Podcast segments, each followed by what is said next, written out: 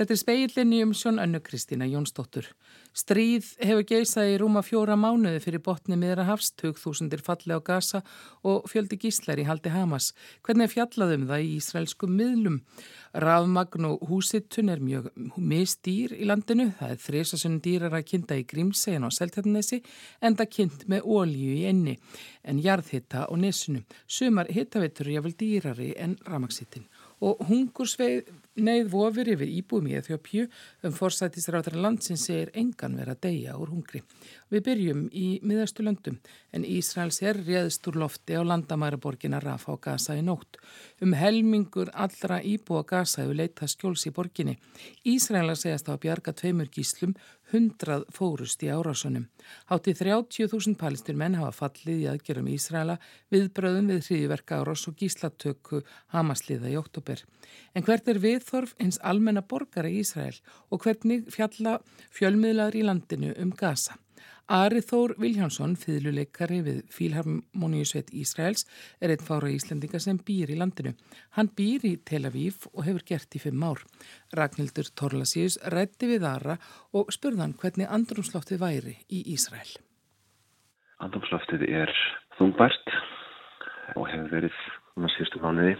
Fólk er ennþá í áfalli eftir 7. oktober og það hefur ekkert gefist neitt tími til þess að vinna út úr því að það það eh, var strax stríð og, eh, og það eru gíslar ennþá í haldi. Hamas þannig að þessi aðbyrða það er eins og sé ennþá 7. oktober svona í hugar heimi í Ísraela. Og um, í byrjum stríðis þá voru loftar á sér daglega á stóran hlutalandsins svo dögum og vikum skipti. Þannig að samfélagið náttúrulega lagðist algjörlega flýð og skólum var lokað. Stofnum sem má kannski líka þegar armannavarnir þannig að sjáðu fólki að vera sem mest heima Þannig að það voru kannski helst matribúi sem var opnar og það var í langan, lang, margar, margar vikur ekkert vennilegt tjónvarp á helstu stöðunum. Það voru bara fréttir, umræður og, og viðtölvið, eftirlifundur og ættingja. Um, ég maður þegar að DNA miðstöðvar voru opnar í óttúberst fyrir fólk þess að koma með lífsíni af ættingum sem ekki var vitað hvort að hefði þess að dáið þann 7. óttúber og það var alltaf gríðalegt, gríðalegt kás fyrstu vikurnar og, og það að vera stansastar lofta á sér náttúrulega hjálpaði ekki viðbræðsæðlum að bara einfallega finna fólk sem var dáið og bara kansla það. Það var heldur engin nafnalisti frá Hamas yfir því hverjir væri í haldi. Þeir sjálfur streymdu á samfélagsmiðlum bæði eh, rillilegum morðum og, eh, og gísatökum þannig að það var ekkert að sjá suma sem, sem var það vitað að væru í haldi en ekki allir. Þannig að yfirvöld þurftu að að útiloka þá sem var að vita að hefði dáið til þess að vita hverju væri þá gíslar. Það tók langan tíma, langan alveg fram í desember. Öllum, öllum íbúum sem að byggja nálagt landamærum Gaza uh, var gert að yfirgefa uh, heimilisinn og þeim var komið fyrir á, á hótelum í svegarum landið og þegar mestu var þá fóru um 200.000 Ísraelar í raun á flotta þess að þeir gátt ekki búið heima hjá sér. Þannig að flest hótel hér í Tel Aviv eru full ekki af túristum, engir túristar núna, en af Ísraelum annarkvort að sunnan eða norðum, norðan sem að, sem að geta ekki uh, snúið heim ennþá. Andrumslaftið núna, ég meina, er allt ennþá undirlagt eða snýst allt um stríðað um gasa? Sko hér í Tel Aviv, ég tala náttúrulega bara út frá því minni upplifun og það hvernig er að búa hér í Tel Aviv, það er svo ólíkt hvernig, hvernig upplifun fólk sé eftir því hvað er búið, hvað það býr Eh, í til dæmis í Írasolem það voru ennast aldrei loft ára sér þannig að það er mjög ólíkt til því hvað þú býr. Norðið er hér í Tel Aviv er, svona, er komin nokkuð dagleg, vennileg uh, rútina fólk er í vinnina, skólar eru ofnir þú veist, veitingastæðir eru ofnir þannig að allt þetta svona vennilegt uh, líf er nokkur veginn komið. En auðvitað hangir stríðið yfir fólki og yfir samfélaginu og flest það var náttúrulega 300.000 mann sem voru kallaðir til í herin og um, þetta, þetta, þetta fólk er bara almenningur þannig að þeir sem eru, eru í hernum eru eh, einmenn, bræður, þetta er bara skildmenni fólks og nákvæmnar þannig að alltaf í, í blokkinni sem ég bý voru uh, þrýs af þreymur íbúðum uh, í blokkinu minni voru menn sem voru kallaðir í herin og fólk hefur auðvitað áhugjur af, af, af ætningum sínum sem eru kannski að berjast Ari, hvernig fjalla fjölmiðlar um þessi átök?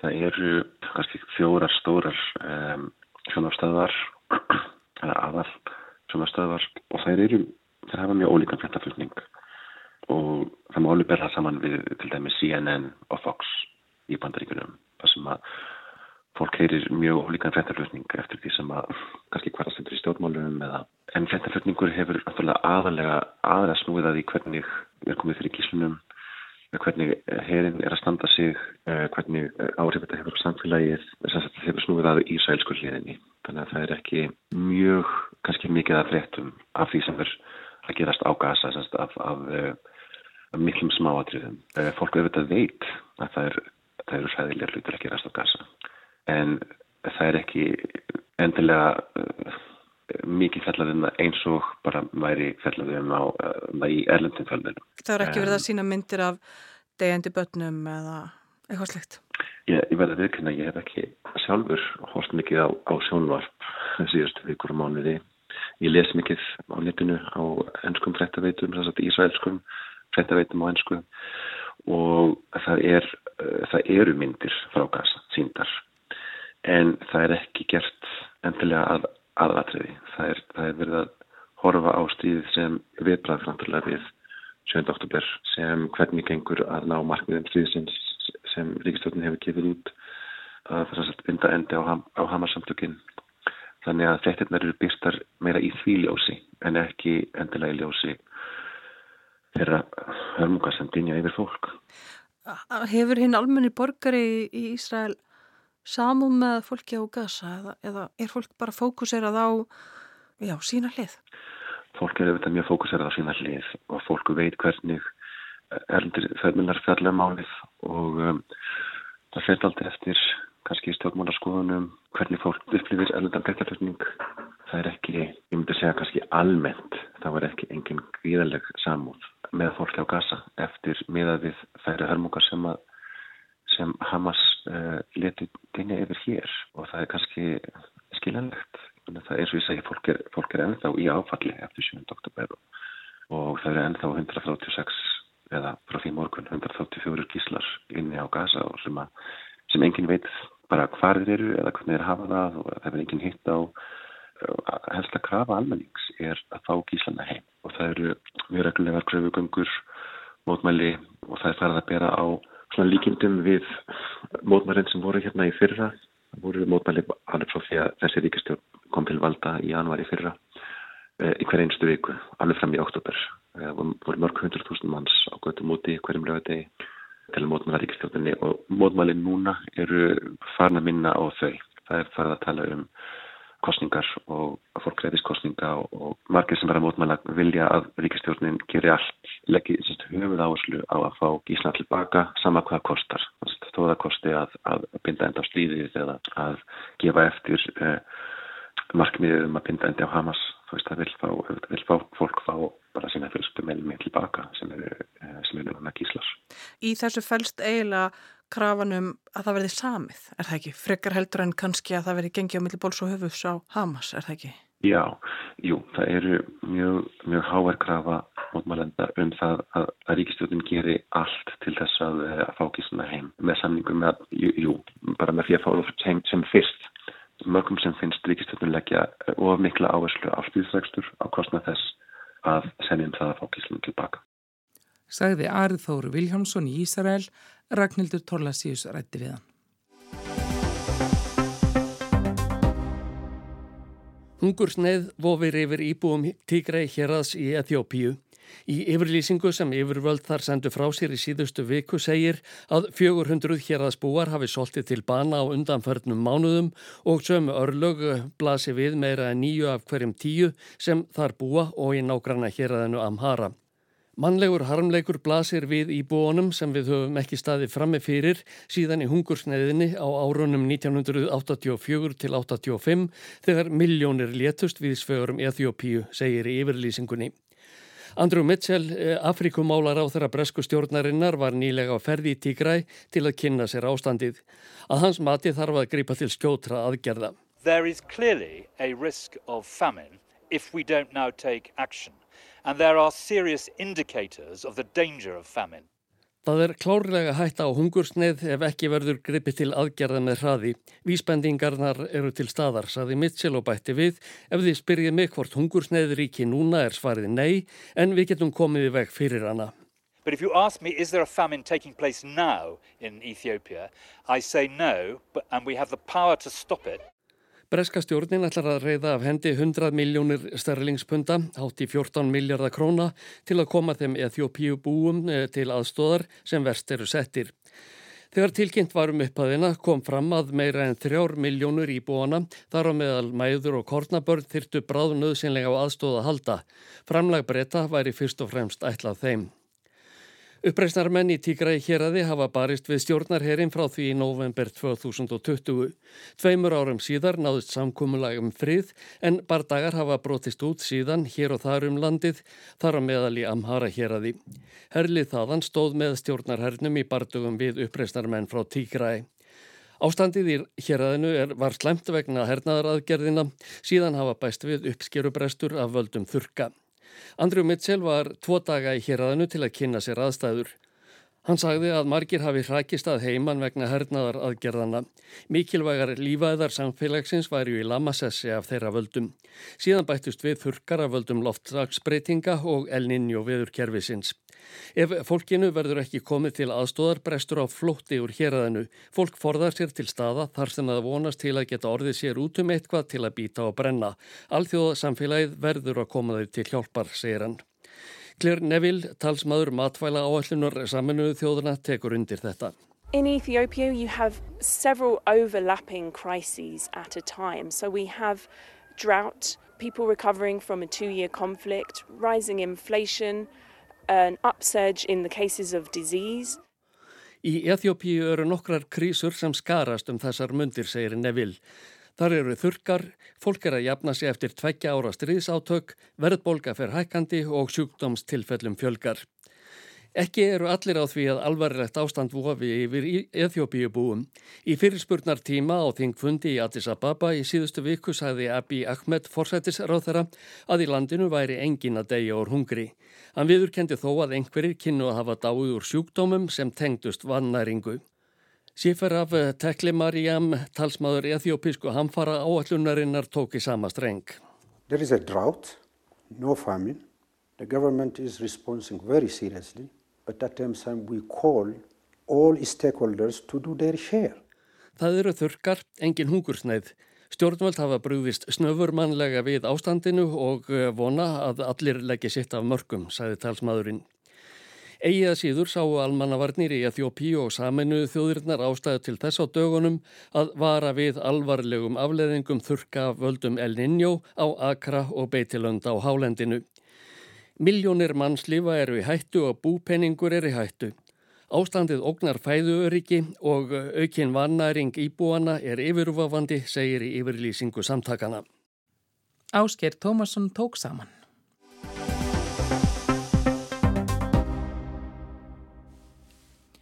Alltaf þrefaldur munur er á ramaks og hittakostnaði heimila eftir því hvar þau er á landinu.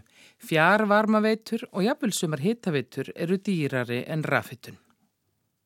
Dýrust er orkan í Grímsei þar sem kynnt er með ólíu en líka er dýrt að hita hús á köldum svæðum á vestfjörðum og austurlandi. Dýrasta rafmagnið kostar 47% meira en á höfuborgarsvæðinu þar sem það er ódýrast. Munurinn á húshittunarkostnaði er öllu meiri. Kostnaðir við kyndingu í Grímsei er meira en þrísvarsinu meiri eða 330% herri á ársgrundvelli en á Seltjarnanesi þar sem hann er legstur. Ástæðan fyrir þessu mikla mun á orkuverði likur í kyndingaraðferðinni. Stór hluti landsmanna er tengdur hefbundinni jarðvarma hýtaveitu sem er alla jafna ódýrasta leiðin til kyndingar. Á mörgum svæðum sem ekki eru tengt hýtaveitu er rafhýtun en á Seyðisfyrði og nokkrum bæjum á vestfjörðum eru starfraktar fjarvarmaveitur fyrir hluta íbúa. Grímseyingar skera sig úr þar sem kynnt er með ólju.